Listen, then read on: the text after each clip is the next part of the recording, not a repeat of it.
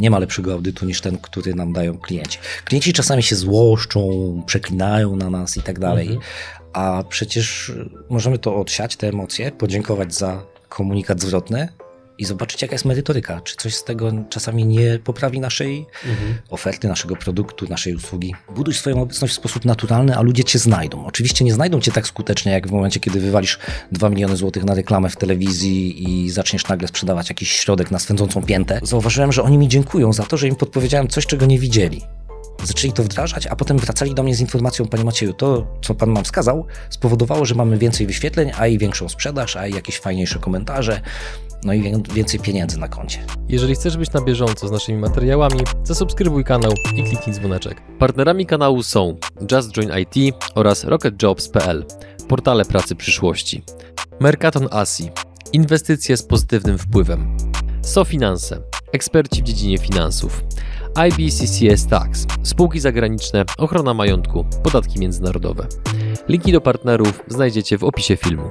Dzień dobry drodzy widzowie, Adrian Gorzycki, Przygody Przedsiębiorców. Witam Was w kolejnym odcinku naszego programu, gdzie tym razem naszym gościem jest Maciej Dudko. Dzień dobry. Cześć Adrianie, witajcie. Patrzę sobie w brief i widzę, że tutaj masz tak, trzy firmy, które prowadzisz. Zgadza się?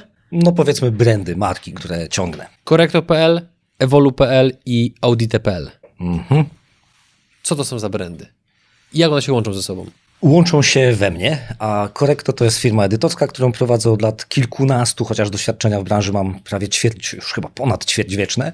E, robimy korekty tekstów. Jeśli napiszesz książkę, pracę magisterską, jakąś tam dyplomową, inną, e, my ją poprawimy, żeby była względnie bezbłędna e, i czy do wydawnictwa, żeby poleciała na fajnym poziomie językowym, czy do promotora, recenzenta, żeby ktoś tam nie urwał głowy podczas obrony za literówki, żeby nie było dupa przyzu zamknięte i tak dalej. W dużym skrócie, w firmie Audite, czyli w marce Audite, y, siedzę coraz mniej. Y, paręnaście lat temu zacząłem robić audyty y, ofert sprzedawców internetowych, głównie sprzedawców alegrowych. Zrobiłem tych audytów tysiąc paręset, trochę się tym zmęczyłem i coraz mniej tego robię, ale też rynek się zmienił. Allegro się zmieniło, te audyty już nie są tak adekwatne, no i nie jestem w stanie już tak bardzo pomagać sprzedawcom internetowym w poprawach ich ofert jak wcześniej. Jeszcze troszeczkę to ciągnę, ale to już jest taki biznes wygasa, wygasający i Evolu wcześniejsza Akademia Internetu to jest blog. Wcześniej pisałem o sprawach związanych z internetem, zwłaszcza pod kątem biznesu. Takie porady dla przedsiębiorców internetowych, jak sobie radzić skutecznie i z konkurencją, i z pozyskiwaniem klientów, z marketingiem i tak dalej. Ale w którymś momencie okazało się, że pojawia się coraz więcej takich bardziej filozoficznych tekstów, przemyśleń społecznych, polityczne, mhm. gdzie nie, gdzie jakieś bardziej kontrowersyjne tematy, więc zmieniłem markę Akademia Internetu na Evolu. Coś tam z rozwojem to się ma kojarzyć, chociaż któryś tam przyjaciel powiedział, że mu się kojarzy z owulacją Ewolu. Można i tak. Można i tak. W bardzo dużym skrócie. Nim przejdziemy dalej, to pozwól, że naszym widzom jeszcze powiem dwie rzeczy. Pierwsza jest taka, drodzy widzowie, robimy standardowo, jak na naszym kanale to bywa od pewnego czasu, listę obecności. Dajcie znać w komentarzu pod tym filmem, jaką branżę reprezentujecie, jaką firmę prowadzicie, bądź jaki wykonujecie zawód. A dla tych wszystkich z Was, którzy dotychczas kliknęli przycisk subskrybuj oraz dzwoneczek obok, serdecznie dziękujemy, bo to nam bardzo mocno ułatwia prowadzenie kanału. Drogi Macieju, przejdźmy do, e, bo moglibyśmy teraz oczywiście wchodzić w szczegóły tego, jak poszczególne biznesy prowadzisz i tak dalej. Zgadza się, ale uważam, że i tak o to zahaczymy w momencie, kiedy zapytam Cię o błędy, które popełniłeś na swojej drodze biznesowej, no bo robisz to już kupę lat. Wedle tego, co jest napisane w briefie, no to w biznesie jesteś związany e, od 35 lat, czyli musiałeś zacząć robić pierwsze deal, jak miałeś 7, więc no przez ten czas musiały się wydarzyć pewne rzeczy, które można zakwalifikować do błędnych, ale potrzebnych decyzji, które ci umożliwiły bycie tu, gdzie jesteś teraz. Co to były za decyzje? Co to były za sytuacje, czego ci nauczyły? Moje ulubione błędy to te, których nie poprawiłem i cały czas się ich trzymam, taki tradycjonalista w błędach. Jednym z nich jest niebudowanie społeczności w taki metodyczny, świadomy sposób, jak chociażby wy to robicie, jak robią to mądrzy ludzie, którzy prowadzą e, listy mailingowe, którzy zachęcają do subskrybowania swoich kanałów, którzy dbają o zasięgi na e, Facebookach i w innych socmediach i tak E, no ja zaintrygowałaś miałem... mnie. Dobra, czekaj, usiądę wygodnie, wezmę sobie wodę i ten facet, słucham. I ten facet zrobił Biblię biznesu, nie? Dokładnie. I doradza innym, jak robić biznes. Bez społeczności własnych? No, może niekoniecznie bez społeczności. Ja lubię natywność w biznesie i w życiu, organiczność, taką prawdziwość, niespinanie się, nie, nie, chcę przez to powiedzieć, że ludzie, którzy gromadzą listy mailingowe, budują, gromadzą subskrybentów i tak dalej, że robią to sztucznie, bo to jest naturalne, to jest ważne, to jest mądre w biznesie, e, przywiązywanie widzów, przywiązywanie odbiorców. E, natomiast ja nigdy tego nie lubiłem. Nigdy nie lubiłem e, pozyskiwać maili od ludzi i wszyscy mądrzy koledzy, którzy to robili, mówili mi, Dudko, idioto, weź, zmień to, przecież ty masz taki potencjał, tyle fajnych rzeczy robisz, jak będziesz miał tych ludzi zapisanych na swoje newslettery, to kiedyś były kanały y, RSS, RSS to się nazywało, tak. nie? Już chyba tego nie ma. Y, to będziesz miał większe zasięgi. To, co robisz, ta wartość będzie szła w świat bardziej, lepiej, skutecznie, a to się też będzie banknotyzowało dla ciebie. No tak, ja tego... bardzo ładnie, uży... przekształcenie rzeczownika w czasownik. No, no wszyscy mówią o monetyzowaniu, ja tam wolę banknotyzować swoje działania mhm. i, jakoś tak to wychodzi. Właśnie bez takiego mm, metodycznego skupienia się na pozyskiwaniu odbiorców, na zapisywaniu ich, na zarządzaniu. Ale dlaczego? Jakby nie lubisz tego, dlaczego? Nie wiem. Nie wiem, nie lubię, nie chcę, nie chce mi się, nie przypadam za tym. To tak wiesz, trochę y, dla mnie. Ja nie mówię, że to jest złe w ogóle, bo w ogóle to jest fantastyczna rzecz, ale Jakoś tak kiedyś spróbowałem zbierać przez chyba tydzień. E, Marcin Godlewski podpowiedział mi, weź Maciek, to jest takie proste, załóż sobie tam jakiegoś GetResponsa czy, czy inny system, podepnij pod stronę, zbieraj te maile od ludzi, zachęcaj ich do tego. Marcin, który robi takie rzeczy kapitalnie i, i szapuba za, za wszystkie jego osiągnięcia biznesowe. Natomiast jakoś tak po tygodniu, dwóch, e, cały czas tego nie lubiłem. Czułem się tak, jakbym chodził po ulicy z kapeluszem i mówił przechodniom, wrzuć pan maila E, to tam, albo zasubskrybuj kanał. Mhm. Ja wiem, że to jest ważne, ja wiem, że to jest dobre, a ja tego po prostu, po prostu nie lubię. Lubię mhm. sobie od czasu do czasu coś napisać, coś opublikować tak spontanicznie, bez jakichś timingów, bez żadnych.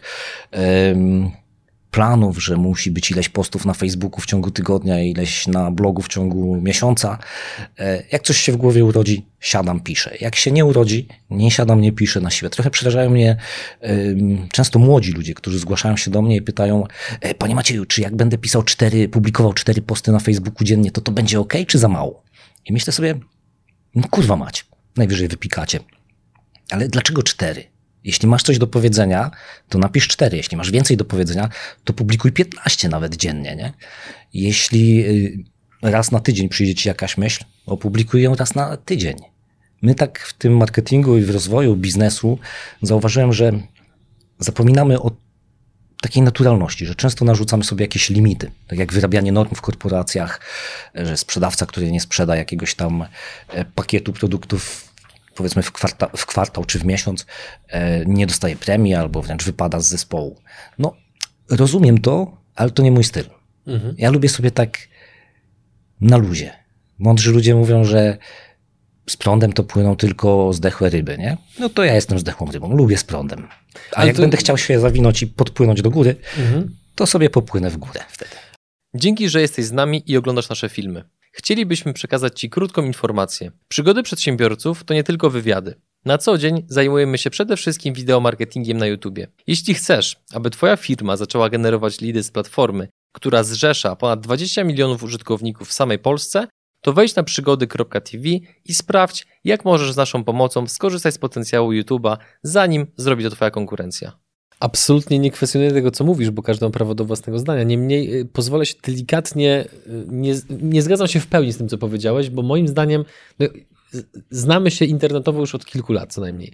I ja sobie obserwuję Twoje działania i ja uważam, że Ty mimochodem i tak budujesz społeczność wokół siebie. Tak, ja wiem, ale bo... to jest w sposób naturalny robione. Tak, tak, ale tylko właśnie tutaj chcę tylko, żebyśmy wyraźnie zaznaczyli, żeby niektórzy widzowie nagle nie pomyśleli, dobra, to ja zawijam wrotki, tam zbudowanie społeczności w sumie nie jest aż tak istotne, jakoś to ogarniemy. Jasne. Zgoda pełna. Ja się nieprecyzyjnie może wyraziłem. Nie chodzi o to, żeby tej społeczności nie budować. Nie mówię o sobie, że nie buduję społeczności, ja ją buduję. Czy może inaczej, ona się buduje. Przy okazji trochę jakby tego, że jesteś naturalny, że jakby komunikujesz się w sposób bezpośredni, szczery. Polecam wam w ogóle wpisy Macieja na Facebooku na różne tematy, nie powiem jakie, bo algorytm obecnie zasięgi, ale właśnie tą szczerością i bezpośredniością, między innymi w pewien sposób, jakby ja cię obdarzyłem zaufaniem, bo mówię, kurde, ten gość nie boi się powiedzieć to, co myśli. I to jest mega spoko, bo to w czasach poprawności politycznej, wszechobecnej, to jest rzadkość. E, no dzięki za uznanie. Nie do końca się nie boi, bo dzisiaj strach powiedzieć cokolwiek czasami publicznie, więc Prawda. odważam się, ale to nie jest takie, taka odwaga e, brawurowa, więc liczę się z konsekwencjami, że nie każdy polubi, nie każdemu się spodoba. Czasami e, ktoś zareaguje mniej lub bardziej alergicznie. Uczę się też dzięki temu jakiejś em, elementarnej dyplomacji. Powoli mi to idzie, ale, ale staram się.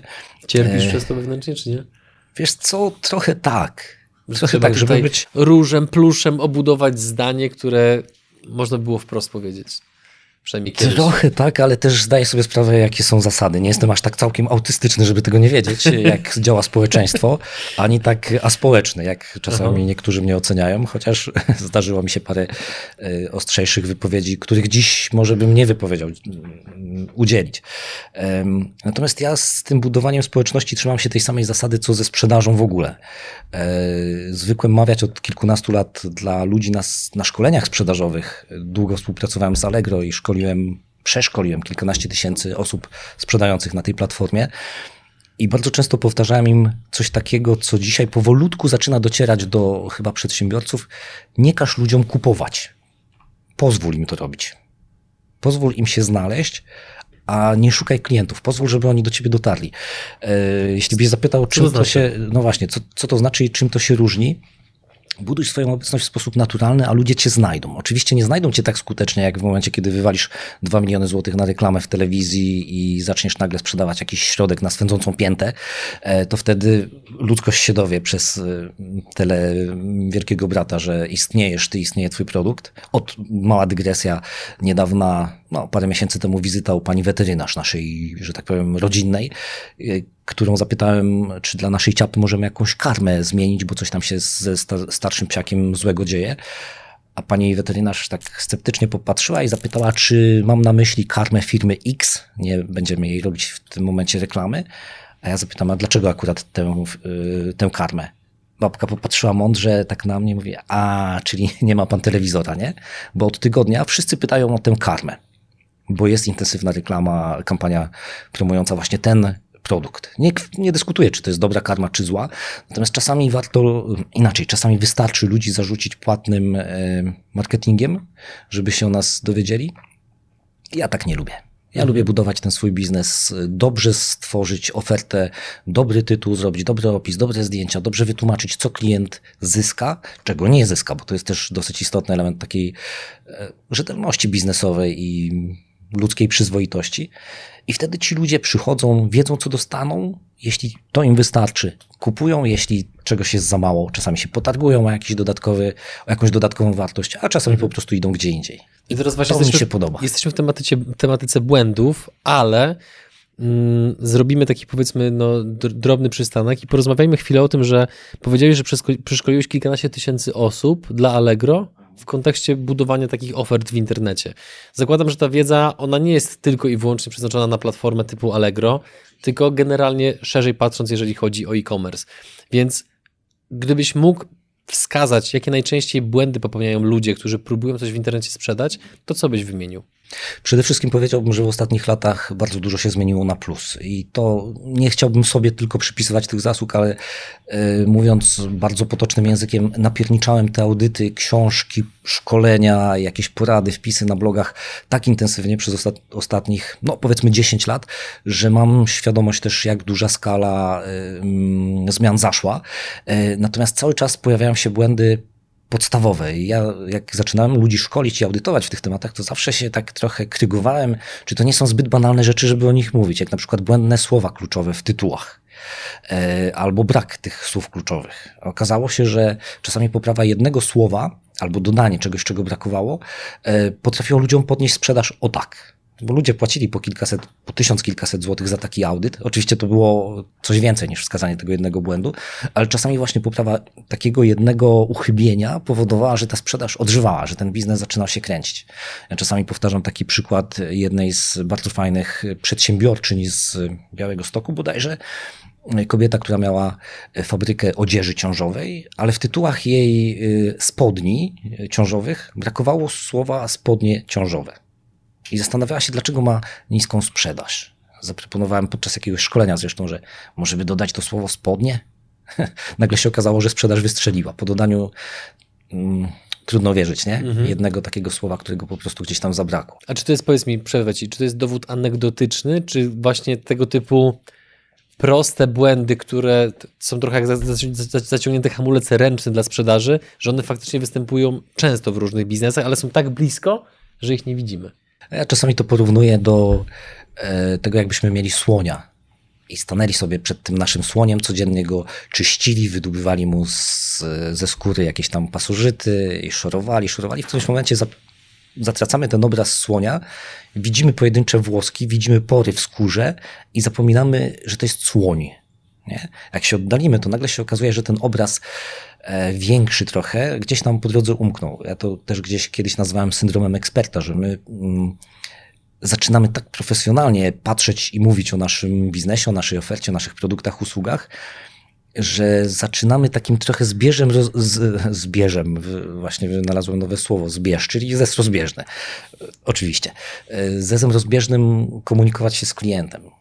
I też przykład sprzed lat, kiedy szukałem, a też o tym i na szkoleniach mówię, i w książkach piszę, z tym konkretnym przykładem, kiedy szukałem e, takiego przewodu, który podłączy mi projektor do e, rzutnika. E, wpisałem kabel do projektora. I nagle się okazało to paręnaście lat temu, bo już od tamtej pory dużo się zmieniło w tym temacie, ale nagle się okazało, że w internecie ciężko jest znaleźć kable do projektora. Natomiast mnóstwo było kabli wtedy DSAP, HDMI, no teraz to są kable, teraz to są kable HDMI, wtedy to były kable DSAP, V, coś tam, VGA, nie wiem, taki język techniczny bardziej niż, niż ludzki, nie? Czyli przychodzi facet do sklepu, mówi daj mi pani kabel do projektora, laptop projektor i w żywej komunikacji to jest zrozumiałe. Natomiast y, Google czy Allegro może sobie nie poradzić z tym, jeśli nie ma tej frazy w tytule. Mhm. To jest problem banalny, wydaje się, ale, ale częsty. Mhm. Takie są kolejne błędy. Y, a na przykład brak języka korzyści, czyli znów zbyt techniczne opisy, nie przemawiające y, do odbiorcy. Przykład człowieka, który zlecił mi audyt dwa, może cztery lata temu to było, oferty olejów konopnych, które coś tam dobrego robią dla organizmu, tylko że z opisu wywnioskowałem tylko i wyłącznie, jak ta roślina się nazywa po łacinie, jaki ma skład chemiczny, jakie substancje tam występują, w jakim stężeniu. E, jeszcze masa, masa informacji technicznych, ale w ani jednym miejscu nie znalazłem e, informacji, a co ten olej robi, co on mi da, w czym mi pomoże lub w czym nie pomoże. E, tego typu usterki. Mhm. I to znów ten syndrom eksperta, który powoduje, że traktujemy naszego klienta, mimo że działamy w modelu B2C, e, jako eksperta równego nam. Jeśli robimy biznes z inną firmą, z innymi ekspertami, no to wystarczy, nie? Ale, ale i tutaj są wyjątki. Mhm. Znów przychodzi mi na myśl historia e, świetnej firmy produkującej sprzęt rolniczy, polskiej firmy zresztą, która sprzedawała agregaty ścierniskowe. No i informacja w ich ofercie, agregat ścierniskowy, takiej, takiej masy, takiej, takiej e, konstrukcji, jakieś tam parametry techniczne i tak dalej. Zadałem, pytanie podczas szkolenia, e, no dobra, ale co ten agregat ścierniskowy robi?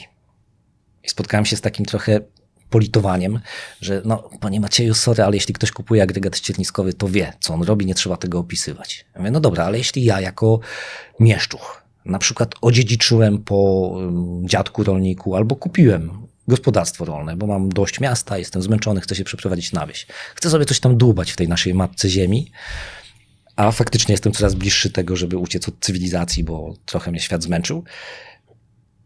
To czy ta maszyna będzie dla mnie, czy nie będzie dla mnie? W czym ona mi pomoże? Ja nie mam świadomości, że coś takiego istnieje. No okej, okay, mamy szklankę wody, czy szklankę do wody, do napojów. Zgoda. Sprzedając szklankę, nie musimy, czy komplet szklanek, nie musimy mówić, że y, jest to naczynie, do którego wlewa się płyny i te płyny można łatwo przenosić do ust, bo jest wygodniej. Są pewne poziomy oczywistości, ale są pewne poziomy nieoczywistości. I nie zawsze jako przedsiębiorcy wyłapujemy, że jesteśmy gdzieś tam o dwa kroki za daleko od zrozumienia przez takiego mniej zorientowanego człowieka w temacie. Jak takie coś, z czymś takim sobie poradzić trochę samodzielnie? Nim się skorzysta na przykład z usług takiej firmy jak twoja, czy, czy, czy twoi konkurenci. Jak przedsiębiorca, patrząc na swoją ofertę, czy na swoją stronę internetową, jakie pytania powinien sam sobie zadać, żeby spróbować spojrzeć z innej perspektywy? Ja czasami jak, y, może inaczej, nie czasami, zawsze jak robię audyt y, oferty sprzedażowej komuś, y, jest taka sekcja, która pojawia się w 80-90% audytów i ona brzmi mniej więcej tak. Postaraj się zadać sobie pytania z perspektywy Twojego klienta. Czy ta oferta jest dla niego? Co ona mu da? Czy jest mu potrzebna? Jak mu się zwróci? Czy w formie, w sensie jakie korzyści mhm. przyniesie? Ewentualnie jakie ma ograniczenia? ale spójrz z innej optyki. Zamień się z klientem miejscami i odpowiedz na te pytania w ofercie. Żeby klient wiedział, żeby mógł sam sobie przeanalizować w głowie, żeby jego podświadomość nie miała tego deficytu korzyści, który ma, jeśli oferta będzie no, zbyt techniczna. Mhm. A skąd wiesz, że Twój audyt jest właściwy? Skąd wiesz, że Twoje rady są właściwe? Ze statystyk może. Z tego, że. Yy ja sam jako klient wielu mhm. rzeczy nie rozumiem. Spotykam się z ofertami, które są e, zbudowane w taki sposób, że nie zawsze do mnie docierają. I zresztą z tego wzięła się moja przygoda z audytami i z samym później Allegro i ze szkoleniami dla y, Allegrowych sprzedawców, że jako klient pisałem feedbacki do sprzedających na Allegro, którym albo coś nie działało, no bo powiedzmy nie, nie wyświetlał się jakiś obrazek, to były czasy, kiedy były limitowane transfery internetowe, jeśli się transfer skończył, to tam jakiś y, pusty prostokąt się wyświetlał, ale czasami nawet często nie rozumiałem czegoś i zadawałem pytania, dopytywałem tych sprzedawców. E, I przy takich pierwszych zwróceniach uwagi albo właśnie dopytywaniach trochę się bałem, że ktoś tam odpisze mi, ja głupek jakiś pisze, niezorientowany, nie? Ale spotkałem się z bardzo serdecznymi takimi reakcjami e, tych sprzedawców, którym albo zwracam uwagę, że czegoś brakuje, albo prosiłem ich o dowyjaśnienie jakiegoś tematu. I nagle zauważyłem, że oni mi dziękują za to, że im podpowiedziałem coś, czego nie widzieli. Zaczęli to wdrażać, a potem wracali do mnie z informacją, panie Macieju, to, co pan nam wskazał, spowodowało, że mamy więcej wyświetleń, a i większą sprzedaż, a i jakieś fajniejsze komentarze, no i więcej pieniędzy na koncie. Stąd się zrodził pomysł na zbanknotyzowanie właśnie tego mm, takiego trochę przekleństwa w, w, głowie do wyłapywania rzeczy, które wydaje mi się, że nie grają. I wiele z tych wydaje mi się później po latach potwierdziło się w statystykach, że rzeczywiście no, warto było coś poprawić. Mhm. Także na początku oczywiście to była taka technika trochę pająka, który tymi swoimi nogogłaszczkami idzie i nie do końca jest pewny, czy w dobrym kierunku. Du dużo było testów, dużo prób, ale każdy kolejny, może nie każdy, bo nie każdy kolejny audyt był tak samo skuteczny. Niektóre były bardzo skuteczne, niektóre mniej. E, natomiast kolejne, te może setki audytów, bo już nie pojedyncze, e, pokazywały mi, że kurczę, to działa tutaj w tym kierunku warto iść. Czyli Potem, jest pewna taka ele pula elementów wspólnych, które w większości branż absolutnie mają rację bytu, na przykład język korzyści właśnie. Tak, ja nawet kiedyś, zanim zacząłem się bawić w te wyłapywanie cudzy, cudzych, cudzych błędów, w to audytowanie, e, miałem takie podświadome przekonanie, że kurczę, przecież biznesy są różne, branże są niesamowicie różne, skale biznesów są różne, sprzedawcy są różni, produkty, produkty to już w ogóle idą przecież w miliony. E, czy jest jakiś wzór na uniwersa, uniwersalny wzór na dobrą ofertę sprzedażową? Przecież ludzie muszą popełniać, jeśli już popełniają błędy, to pewnie dziesiątki, setki, tysiące tych błędów ale po któryś tam e, kolejnych set audytach zorientowałem się, czy uświadomiłem sobie, że te najczęstsze błędy są wcale nie tak liczne, jak się ludziom wydaje. Kiedyś nawet jakieś szkolenie zrobiłem z zakresu 33 takich technik, które pozwolą y, poprawić ofertę, takich najczęściej spotykanych mhm. błędów. I to wśród tych 30, 33, tak symbolicznie, bo oczywiście jest ich więcej, ale tych najbardziej frekwencyjnych, można powiedzieć, usterek, y, wyliczyłbym dzisiaj właśnie między innymi błędy w słowach kluczowych, błędy w brak języka korzyści, e, nieprawidłowe zdjęcia, przy czym nieprawidłowe zdjęcia e, mam na myśli nie tylko techniczne błędy typu zdjęcie za ciemne albo źle przykadrowane, to oczywiście też, ale zdjęcia, które nie są marketingowo korzyściowe e, albo nie odzwierciedlają kontekstu użycia danego produktu. Inaczej sprzeda się grill ogrodowy, który stoi na białym tle, a inaczej sprzeda się ten sam produkt, y, gdzie będzie w kontekście użycia jakieś Czyli piękne... jest jakiś ogród, są ludzie na przykład. Jest zabawa, są emocje, są kolorowe papryczki, kiełbaski, czy co tam kto mhm. woli na, na grillu położyć. Jest kontekst parujący, jakieś tam zapachy, to działa na zmysły. To ten sam produkt umieszczony na białym tle jest bezduszny, jest bez emocji. Wiemy, czym jest grill, wiemy, z czym to się nomen omen je, ale nie ma emocji. Czy błędy w rodzaju kabriolet, ktoś tam sprzedaje używany samochód bez dachu, cabrio, z dachem złożonym, e, ale ten samochód stoi na parkingu zimą, wszędzie dookoła jest śnieg. I u odbiorcy takie zdjęcie wywołuje podświadomie poczucie, że kabriolet już mi zimno, nie? To nie ta aranżacja, nie ta stylistyka. Inny ktoś, kto sprzedaje obudowę do smartfonów wodoodporną, ale pokazuje tę obudowę jako zwykły produkt, a nie w kontekście, że ktoś tam chlusta wodą na to i nasz smartfon jest cały i zdrowy, może sobie w kąpieli słuchać Powiedz i mi, co, tak dalej, co, tak dalej. co powoduje, że ja na przykład, będąc no, kupującym w internecie, bardzo często trafiam na sklepy, gdzie po prostu jest na przykład, ostatnio kupowałem piankę, żeby tam móc na wakeboardzie i na skuterach sobie pośmigać, jak już jest troszeczkę chłodniej, to ta pianka była pokazywana na zasadzie, wiesz, że leży sobie na płaskiej powierzchni biała, no i okej, ja byłem zdeterminowany, żeby to kupić, więc na to nie zwracałem uwagi, ale jak teraz sobie słucham tego, co mówisz, to się zastanawiam, że jeżeli prawdą jest, o czym ja już też nieraz słyszałem, że pokazywanie produktu w kontekście jest skuteczniejsze, to po jaką cholerę są nadal jeszcze sklepy, które e, wystawiają produkt na białym tle? Why? Why not? Albo mm, bawiąc się słowami white not, why white not? E, Chociażby dlatego, że e, to też jest dobre. Jak czasami pokazuję ludziom zdjęcie produktu na białym tle i zdjęcie w kontekstu użycia, e, na szkoleniach na przykład, podpuszczam ich i pytam, które z tych zdjęć powinno być w ofercie. Oczywiście ludzie, którzy już trochę mnie znają, wiedzą, żeby odpowiedzieć, że oba. Że jedno jest dobre, bo prezentuje produkt w szczegółach, zwłaszcza jeśli są jakieś zbliżenia z różnych stron i tak Okej. dalej, a drugie kontekstowe pokazuje coś więcej, coś innego, coś dodatkowego. Czyli jedno jest dobre i drugie jest dobre, nie ograniczajmy się do tylko jednego, bo jeśli byśmy jakiś produkt przedstawili w, nie wiem, w kontekście takiego naprawdę um, użycia, weźmy samochód terenowy. E, Pokaż samochód upaćkany błotem, gdzieś tam przejeżdżający przez jakieś przeszkody i tak dalej. Z jednej strony to zrobi dobrze, bo pokaże odbiorcy, co to auto potrafi, co może, z jakich opresji cię wyciągnie, nie? i to jest okej. Natomiast nie wyobrażam sobie, żeby w tej ofercie zabrakło tego samochodu czyściutkiego, czyściutki. błyszczącego na jasnym, neutralnym tle, gdzie możesz mu zajrzeć, w- te wszystkie 3D operacje, jakieś tam spacery wirtualne po samochodzie pewnie za chwilę będą, albo już są. Możesz zajrzeć pod maskę, możesz zajrzeć za przeproszeniem do rury wydechowej e, i zobaczyć, jak e, w najmniejszym centymetrze to, to wygląda. Więc jedno ma wartość, i drugie ma wartość. Także nie zapominajmy o, o, o tych możliwościach, o tym spektrum prezentacji produktu. A co z ceną?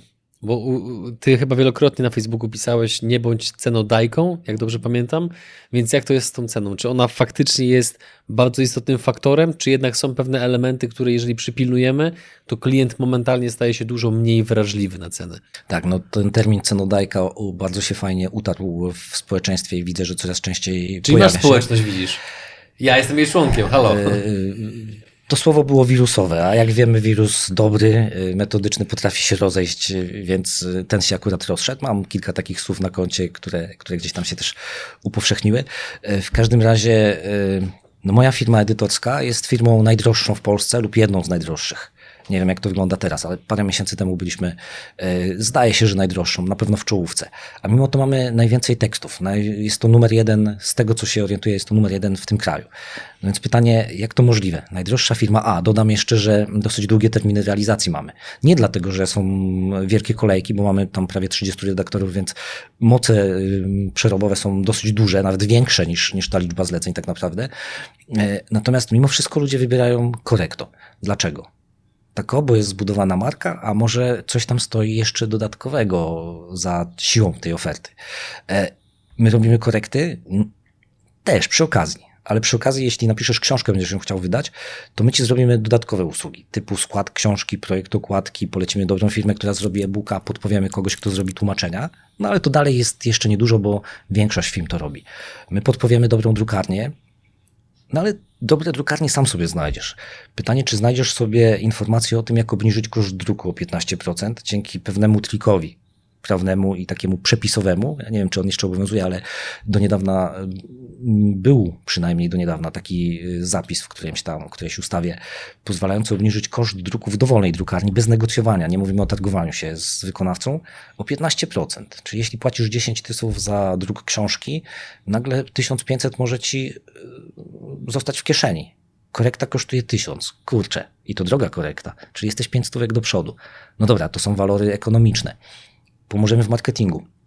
Puścimy, zrobimy patronat naszej firmy nad Twoją książką, puścimy to naszymi kanałami. Nie dużymi, bo jak już rzeczono, nie mam parcia na jakieś tam bardzo takie intensywne budowanie społeczności, no ale tych paręnaście czy dwadzieścia parę tysięcy ludzi jest w zasięgu. Dla autora, który liczy się z tym, czy sprzeda 100 egzemplarzy, czy 200, to się może przełożyć na z dwu albo z kilkukrotnienie tej sprzedaży.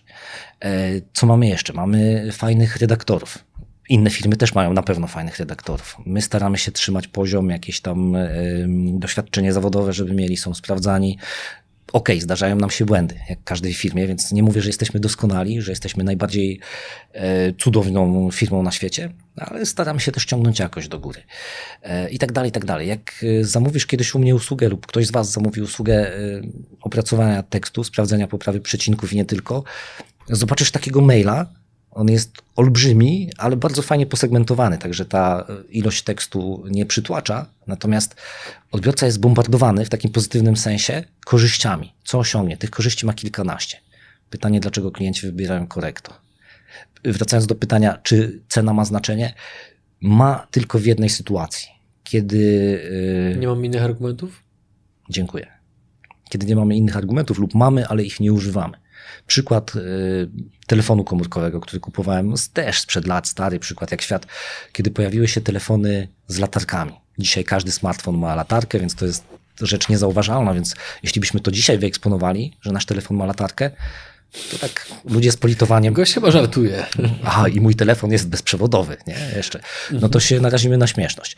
Ale w roku 2006, kiedy kupowałem jakiegoś tam Sony Ericssona, który był chyba jednym z pierwszych modeli z latarką, miałem do wyboru dwóch sprzedawców na Allegro. Ten sam model. I ja wiedziałem doskonale, że to jest ten sam telefon. U jednego kosztował bodaj 1520 e, do złotych, u drugiego 1500 chyba 80. Nieważne. Parędziesiąt złotych różnicy było. Przy czym ten droższy zawarł informację, że jest latarka. Ten tańszy nie zawarł tej informacji, jemu się nie chciało, on zrobił taką bardzo po łebkach Ctrl-C, Ctrl-V, nie? kopiuj wklej ofertę i zapomniał albo nie chciało mu się dodać tej informacji o latarce. I ja jako klient, wydawałoby się inteligentny facet, nie? Wiem doskonale, że to jest ten sam model. Nawet kurczę, chyba na zdjęciach widać, że tam ta latarka jest. Ale nie mam pewności kupię u tego, który to zadeklarował. I faktycznie kupiłem ten telefon 6 dych drożej, 60 zł, kawał kasy, trzy wódki, nie? E, albo jedna dobra. E, a jednak, żeby nie ryzykować, że dostanę telefon, albo może to jest mhm. jakaś tam wersja B, że jest pozbawiona tego. No skoro sprzedawca o tym nie pisze, może tego nie ma. Nie? I to mówię o człowieku, który jest świadom pewnej cechy produktu czy pewnej funkcjonalności, a zobaczmy, jak wielu jest klientów, czy to nie jest większość, którzy nie do końca wiedzą, co kupują, nie badali wcześniej tego produktu, nie są w nim zorientowani i w ogóle mogą nie wiedzieć, że jakaś funkcjonalność jest. Agregat ścierniskowy, o którym wspomniałem, mhm. gdzie y, sprzedawca powiedział: Słuchaj, Maciej, no my B2B sprzedajemy do rolników, którzy wiedzą, jak się używa agregatów ścierniskowych. No dobra, ale dlaczego nie napisaliście, że ten wasz agregat ścierniskowy ma wydajność o 40% wyższą niż jakiś tam konkurencyjny, że ma jakieś tam, e, nie wiem, kolce, czy co on tam miał, e, gęstsze, które powodują, przepraszam, teraz już szyję, bo już nie pamiętam dokładnie Jasne. o co chodziło z tym agregatem ścierniskowym, ale chodziło o parametry, których nie przetłumaczono na korzyści. Jak to się przekłada e, na lepszość życia użytkownika, czyli tego rolnika, który może już dziesiąty agregat ścierniskowy w życiu kupuje, ale nie wie wcale i cały czas, dlaczego ten jeden jest lepszy od wcześniejszych mhm. albo od innych. Nie? A czy według Ciebie na przykład zdrową praktyką jest albo mogłoby być skontaktowanie się ze swoim klientem, ale pod kątem tego, że hej, drogi kliencie, mamy nową formę oferty, czy mógłbyś ją razem ze mną przejrzeć i powiedzieć mi, co ty w niej widzisz, co z niej dla ciebie wynika, co jest istotne? Czy to jest według ciebie zbyt takie już na siłę próbowanie szlifowania właśnie sposobu przedstawiania informacji? Mówisz o jakimś kliencie stałym, z którym masz relację na tak, przykład? Tak. Czemu nie? Bardzo fajny pomysł moim zdaniem. E, wiesz, są ludzie, którzy przychodzą do mnie, płacą mi za audyt, a ja czasami mówię, słuchaj, weź to samo i pokaż swojemu małżonkowi, swojemu synowi, swojemu partnerowi w biznesie, czemu nie klientowi, niech ci wyłapie błędy. Ja tak samo czasami odpowiadam ludziom, którzy chcą zamówić korektę tekstu. To jest usługa płatna, nie najtańsza e, mhm. wcale. E, a czasami wystarczy, jeśli ktoś pisze pracę magisterską, a wie, że popełnia błędy, no to nie, nie jest książka, nie pójdzie do publikacji, więc jeśli tam nie będzie to bardzo doskonałe, to, to przecież nikt nikomu głowy nie urwie. Czasami podpowiadam, weź, zastanów się, czy nie masz jakiejś zaprzyjaźnionej pani polonistki albo koleżanki z, z, nie wiem, ze szkoły, która dzisiaj e, uczy dzieciaków języka polskiego.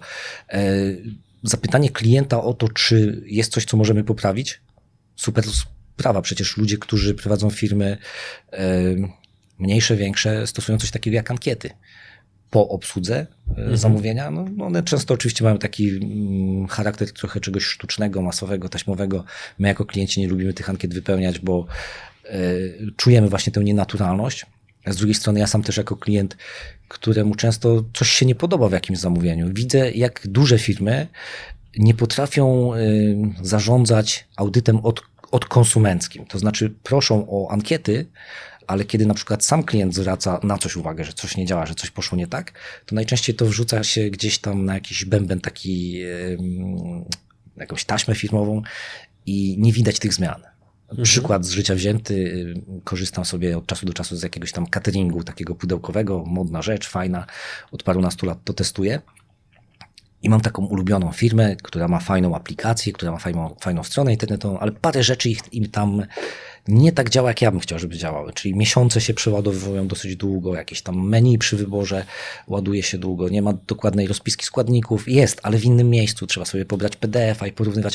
Takie błędy powiedziałbym funkcjonalne. I wysyłam audyt, audyt taki od konsumencki. Feedback po prostu. Feedback, po prostu feedback, który dla tej firmy mógłby być darmowym audytem ja się tam czasami podpisuję, że e, Dudko w nawiasie audytuje różne tam oferty, więc być może przyda Wam się za darmo, bezpłatnie. Ok, dzięki, przekazujemy naszym programistom. Mija miesiąc, drugi, I trzeci tyle. i tyle. A chwilę później ta sama firma wysyła mi y, kliencie, fajnie, że z nami jesteś, wypełnij ankietę.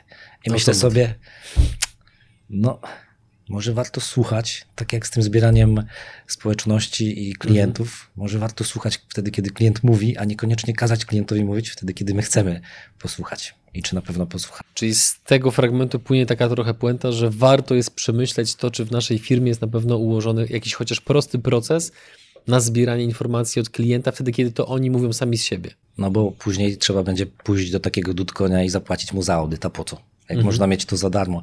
Nie ma lepszego audytu niż ten, który nam dają klienci. Klienci czasami się złoszczą, przeklinają na nas i tak dalej, mhm.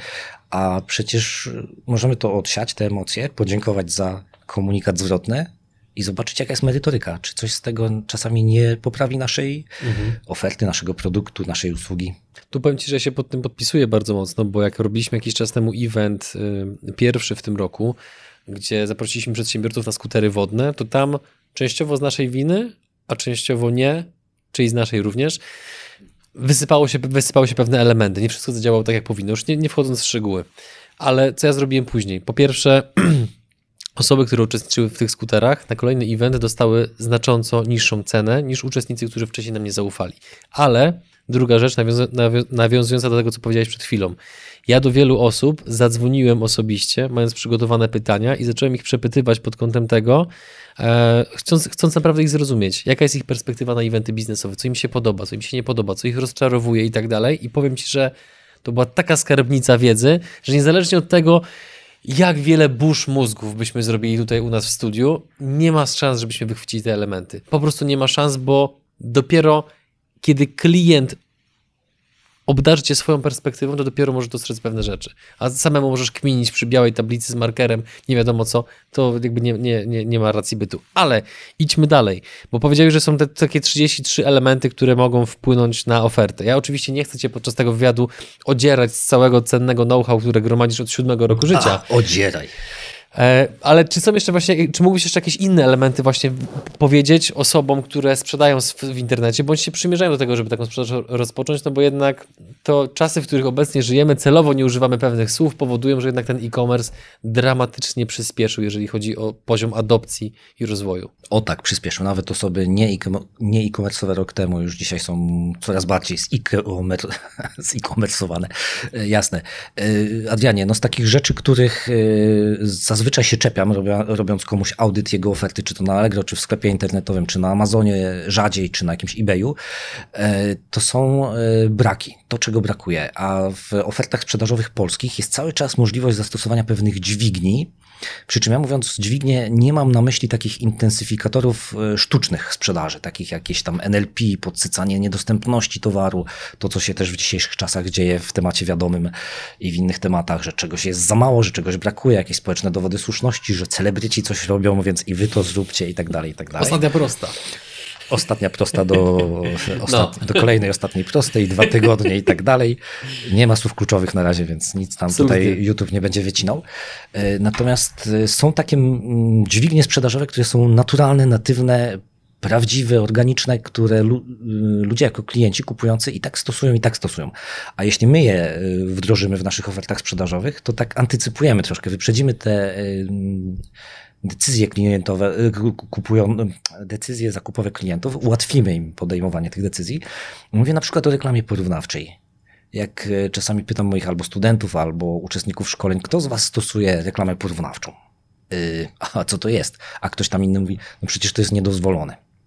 No i taki mit, że reklama porównawcza w Polsce jest zabroniona. Jest jak najbardziej dozwolona. Co, tylko co, co to jest? Jakby od tego zacznijmy. Porównywanie się, że Dudko jest lepszy od Gorzyckiego w tym i w tym, a Gorzycki jest lepszy od Dudkonia w czymś innym, nie? Że ta szklanka z Ikei jest lepsza od y, szklanki coś tam Willeray i Bosch, mhm. nie wiem, za, za 200 zł, tym, że jest tańsza i jak się rozbije, to nie będzie nam szkoda, ale tamta jest lepsza, bo jest bardziej prestiżowa, ma jakieś fajniejsze, mhm. nie wiem, fajniejszy wygląd i tak dalej. Reklama porównawcza, że nasza oferta telefonii komórkowej jest tańsza od innej. No, najczęściej y, porównywanie się y, sprowadzane jest do różnic cenowych, co moim zdaniem jest olbrzymim błędem, a przynajmniej niewykorzystaniem potencjału reklamy porównawczej. E, dlaczego wasz kanał Przygody Przedsiębiorców jest lepszy od innych kanałów? No okej, okay, trudno powiedzieć tak, nie, żeby się nie narazić w branży, ale, ale można też y, powiedzieć, co jest naszą przewagą w ogóle. Dlaczego jeden hotel, y, który stoi obok drugiego hotelu, y, przyciąga więcej klientów, mimo że jest lokalizacja praktycznie identyczna? Może stosuje reklamę porównawczą. Ja nie mówię o tym, żeby on na swojej stronie mm, internetowej, czy gdzieś tam w jakimś booking.com, czy gdzieś podawał informacje typu, że nie idźcie do niego, bo tam są pluskwy, a u nas nie ma, bo to jest negatywna reklama porównawcza, to jest nieetyczne, niefajne. No tak się nie robi, nie? Ale może ten ktoś mówi, ten właściciel czy menedżer y, hotelu, który ma więcej klientów, dlaczego nasza oferta jest dobra, dlaczego jest lepsza niż oferty na rynku dostępne, bo mamy nowe, wygodne łóżka, bo mamy y, bogaty bufet śniadaniowy, bo mamy parking y, na. A to nie jest trochę język korzyści po prostu? Jest, ale w zestawieniu z mm, brakiem języka korzyści u konkurenta to już się robi reklama porównawcza. A klient przecież zawsze porównuje. Jeśli ma do wyboru dwa soki pomarańczowe, to patrzy na jeden, na drugi w markecie mhm. i podejmuje decyzję. E, patrzy i myśli sobie, no dobra, tu mamy 100%, a tutaj 50%. To już nie sok, tylko nektar, nie? Na czym mi zależy? Na niższej cenie czy na wyższej jakości. Ale y, ludzie porównują też i decydują na poziomie podświadomym, bo patrzą na etykietę, na opakowanie. E, słynna niemiecka seria produktów ekonomicznych Ja. Nie wiem, czy one jeszcze istnieją. Kiedyś, nie wiem, czy kojarzysz, w Niemczech były takie produkty, białe opakowanie, jakieś niebieskie elementy, czerwone i to takie surowe, odpychające, ale ekonomiczne. Część ludzi to kupowała, a część wolała dopłacić więcej, e, no bo powiedzmy ta wizualizacja produktu zniechęcała. Tesco, które wprowadzało swoją markę, pre, y, markę ekonomiczną ileś tam lat temu w Polsce, bardzo szybko się przeprosiło, uznało, że okej, okay, wprowadzimy też drugą markę ekonomiczną, ale w ładniejszych opakowaniach i ciut droższą. Y, nagle się okazało, że ludzie nie, niekoniecznie są skłonni wydawać, y, czy kierować swoje decyzje zakupowe w kierunku produktów najtańszych, jeśli one im w czymś się nie podobają, na przykład w wyglądzie e, Pytam czasami ludzi, co decyduje o wyborze wina w sklepie. Jakkolwiek by to nie zabrzmiało śmiesznie, to poza tym, że lubimy czerwone, więc wybieramy czerwone albo białe, bo wybieramy białe, słodkie, półsłodkie, wytrawne, półwytrawne. Ok, a dalej co decyduje? Że znamy któreś wino. No dobrze, a jeśli chcemy kupić jakieś, którego nie znamy, spróbować, opinie w internecie albo jakieś aplikacje, gwiazdki i tak dalej. Ok, a jeśli jeszcze dalej pójdziemy, etykieta. Zawsze dochodzimy do momentu, gdzie ktoś mówi, no etykieta jest ważna, nie? I tak dalej. Porównywanie. Dlaczego y, redakcja i korekta tekstów w mojej firmie jest lepsza niż w innych y, firmach? Zajrzyjcie na moją stronę internetową, zobaczcie. Mm, czy my jesteśmy najlepsi? Nie twierdzę, że najlepsi, ale w niektórych punktach jesteśmy lepsi. Y, dobra, bo tak trochę może zbyt dookoła opowiadam. Weźmy case z życia wzięty, a za chwilę będzie case z jednego z audytów. Przychodzi człowiek i to jest historia sprzed lat trzech, może pięciu gubię się w czasie, który sprzedaje choinki sztuczne. Proszę mi zrobić audyt. Jednym z elementów audytu jest brak reklamy porównawczej. I zalecenie dla sprzedającego. Proszę wypunktować w ofercie, dlaczego choinka sztuczna jest lepsza od prawdziwej. W czym? W jakich punktach jest lepsza?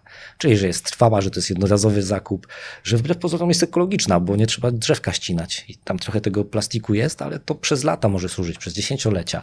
Że jest niepalna, że jest łatwiejsza w przechowywaniu, że gdzieś tam można sobie ją skitrać, nie trzeba co roku jeździć drzewka nowego szukać i tak dalej, i tak dalej. No okej, okay, wprowadzamy to, buch, sprzedaż poszła w górę. Reklama porównawcza do produktu niekoniecznie jeden do jednego, e, bo ta sama kategoria, ale inna specyfika. Jakiś substytut na przykład, tak? Na przykład substytut, ale problem Aha. miałem w momencie, kiedy e, to był sezon przedświąteczny, chyba parę tygodni później przyszedł do mnie sprzedawca choinek tradycyjnych. Pan mi zrobi audyt, nie? I co wtedy powiedzieć, nie? Mhm. I trzeba było się zastanowić, w których punktach choinka naturalna jest lepsza od plastikowej. Skoro gość sprzedaje drzewka naturalne, no to podkreślmy, że to jest klimat świąt, że to jest zapach, że to jakaś tam taka bardziej e, naturalna atmosfera się robi niż przy plastikowym drzewku. I tu można wygrać czymś, i tu można czymś wygrać. Do, do, każdego klienta trafią po prostu inne argumenty, no i tyle, bo rynek jest zawsze podzielony. Nigdy nie jest tak, że wygramy wszystkich. I jeszcze inny przykład, taki już bardzo prosty reklamy porównawczej, który fajnie pomógł jakiemuś jednemu sprzedawcy podnieść sprzedaż maszynek do golenia, ale takich tradycyjnych, klasycznych, ciężkich na żyletki w, skórzonym, w skórzanym etui po 90 parę złotych za maszynkę. No kto dzisiaj czegoś takiego używa, nie? Już nie pytam no, ciebie. Po mnie nie widać, że używa. E, w, w każdym razie zgłosił się człowiek, który taki trochę zrozpaczony zrozpaczony, panie Macieju, branża mi usycha. Nikt tego już nie chce kupować w dobie e, jakichś tam polsilverów czy innych tam giletów plastikowych po, po 2 czy 3 złote, nie? Co byś porównał? To może pytanie do ciebie, Adrian. W czym maszynka ciężka, stalowa, z jakąś żyletką prawdziwą, w skórzanym etui, 40 razy droższa od e, plastikowej jednorazówki, jest lepsza? To się aż ciśnie na głowę, nie? A może ekologia, a może styl, a może elegancja, trwałość, e, że te jednorazówki tam co ileś mhm. użyć trzeba jednak wyrzucić, matkę ziemię zaśmiecić, nie? Gość wprowadził y, do opisu takie elementy właśnie przewagi, w czym nasza maszynka jest lepsza od plastików, mhm. a zupełnie nie ruszał tematu ceny, bo przy okazji są 40-krotnie droższe, nie? I nagle się okazało, że powolutku, powolutku zaczęła mu ta sprzedaż iść w górę. A powiedz mi, czy to, jeżeli dobrze rozumiem, czy reklamę porównawczą można w takim dużym uproszczeniu zrobić w taki sposób, że mamy stronę internetową, bądź mamy powiedzmy PDF-a z ofertą i tam jest załóżmy wstawiona tabelka, gdzie jest nasz produkt i są opisane powiedzmy istotne elementy, które ten produkt na przykład zapewnia i tak dalej, a w kolejnych kolumnach są na przykład produkty substytucyjne, które tych elementów nie mają. I na przykład wiesz, masz ptaszek, krzyżyk, ptaszek, krzyżyk. Oczywiście. To już, to już jest reklama porównawcza. Oczywiście, że tak. Tak to się robi. Tak to podpowiadam też klientom. E, możemy lecieć z markami konkretnych firm, no lecimy i tak, więc e, zobaczmy sobie na stronę z ofertami Xcomu. Mhm. Zresztą miałem przyjemność kiedyś jakieś szkolenie, audyty dla nich robić. E, bardzo fajna firma, fajne produkty sprzedają, fajna pod wieloma względami i stosują reklamę e, porównawczą w rodzaju smartfon kupiony u nas, smartfon z, kiedyś było coś takiego, nie wiem jak teraz to wygląda, bo dawno nie zaglądałem, smartfon z innego źródła, coś w tym stylu, nie? No oczywiście tamten smartfon jest poszarzony, jest anonimowy taki, jest dużo niepewnych, niewiadomych, a nasz jest z gwarancją, niezależnie jaki to jest model, jaka to jest marka tego smartfonu. Nasz jest z gwarancją, nasz jest z pewnego źródła, nasz jest z fakturą. E, jeśli coś ci się stanie, drogi kliencie, no to masz profesjonalną obsługę i tak dalej. Reklama porównawcza. E, któryś ze sprzedawców, któryś z moich klientów sprzedawał chemię do e, utrzymania basenów. Jako reklamę porównawczą użył nie słów, tylko obrazów. Pokazał zdjęcie e, twój basen, taki zielony, jakieś tam glony prawie, że wychodzą, chcą cię zjeść, łamane przez i obok oczywiście e, basen u sąsiada. Piękna lazurowa woda, jeszcze tam brakowało półnagich modelek oczywiście wkomponowanych, to już tak może byłby trochę przesyt. Dlaczego? U sąsiada basen jest błękitniejszy, a trawa bardziej zielona, bo on stosuje naszych środków do utrzymania. No, jakby nie patrzeć, reklama porównawcza. A jak to działa na umysł, na wyobraźnię? Mhm. Słowa, tabelki, obrazy. Tych technik reklamy porównawczej jest wiele. Natomiast zaczynamy od tego, że wiele osób nie pamięta o tym. Wiele osób jest przekonanych, że jeśli już ta reklama porównawcza jest, to ona jest albo niedozwolona, a jeśli dozwolona, że ona jest nieetyczna, bo musimy komuś dokuczyć. Ale to jest w pełni legalne w Polsce. Jeśli komuś nie dokuczysz, tak jak pewna firma produkująca koncentrat pomidorowy innej pewnej firmie produkującej koncentraty pomidorowe, mówiąc, że nasz koncentrat jest najbardziej pomidorowy na rynku, jeśli ta druga firma nie przyjdzie tak jak przyszła i nie powie, sprawdzam, ile dajecie kilogramów na kilogramów pomidorów na kilogram koncentratu, e, i jeśli będziesz w stanie odpowiedzieć, że więcej niż wy, bo tyle i tyle, to jest ok. Gorzej, jeśli tak jak tam pierwsza Mhm. firma powiesz, że no w sumie normy są podobne, więc nie jesteśmy tacy znowu naj, jakby się mogło wydawać. Czyli po prostu jakby no niewłaściwym jest, i tu już nawet nie chodzi o to chyba, czy prawnie, czy etycznie, niewłaściwym jest składanie fałszywych deklaracji. No, Po prostu. w życiu i w biznesie. Amen. Proponuję tego nie robić. Tutaj postawmy kropkę, jeżeli chodzi o wątek dotyczący ofert, bo uważam, że o tym rozmawialiśmy już dość dużo i ja sam sobie wypisałem pewne takie przemyślenia a propos jednego naszego takiego drobnego e-commerce'u, którego prowadzi, który prowadzi mój brat, bo... Nie ma za co faktura przyjdzie pocztą. Tak, tak, tak, tak, tak, do, dokładnie, tylko podaj adres, nie? Gdzie mam wysłać? Żartuję. Wielki kajman. Wracając do y, błędów. Jakie były jeszcze błędy, które ukształtowały ciebie biznesowo, powiedz? O rany, dużo tych błędów Chociaż było. jeszcze dwa. E, No dobra, błąd klasyczny, który popełniają przedsiębiorcy, skoro do przedsiębiorców mówimy, czyli dosyć późna bariera przeskoczenia na e, ja wszystko zro, zrobię lepiej, na a może by zacząć delegować. To właśnie moje e, działania edytorskie, e, gdzie do długiego, długiego czasu, czy przez długi, długi czas sam poprawiałem ludziom teksty. Zresztą trochę skażony byłem pracą w telewizji, redagowałem teksty do telegazety, do internetu. I stwierdziłem, że nikt nie zrobi lepiej tego niż ja. Znamy to skądś, nie? Znacie to skądś, gdzie w, trzeba sobie poradzić. Jeśli chcemy rozwijać biznes, to w którymś momencie trzeba wyjść z ym, pracy takiej fizycznej albo tej operacyjnej zająć się jakimś zarządzaniem może. E, Przez lata się z tym borykałem, aż w którymś momencie klienci i rynek, można powiedzieć, wymusił. Przyszło w ciągu jednego tygodnia e, troje klientów chętnych na sprawdzenie pracy magisterskiej i stwierdziłem, że kurczę, no nie dam rady. Więc albo odmówię dwójce z nich, albo dziewczynie, która gdzieś tam czekała z podaniem o, o współpracę, e, zlecę coś takiego. I nagle olśnienie. Nagle się okazuje, że oczywiście wielka nieufność, wielka niepewność, że czy ona zrobi to tak dobrze, tak szybko, tak sprawnie, tak bezbłędnie. Okazało się, że zrobiła to lepiej niż ja robiłem korekty wcześniej. Tak, chyba mogę teraz powiedzieć, że trafiłem na osobę, która robiła to jeszcze lepiej niż ja.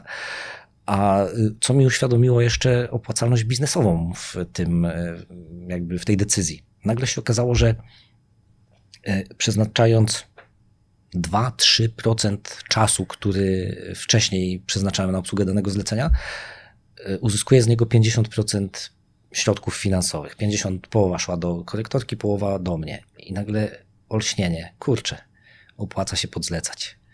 Y, Błędem było to, że dużo czasu mi zajęło, dużo wody w Warcie, Wiśle, Odrze upłynęło.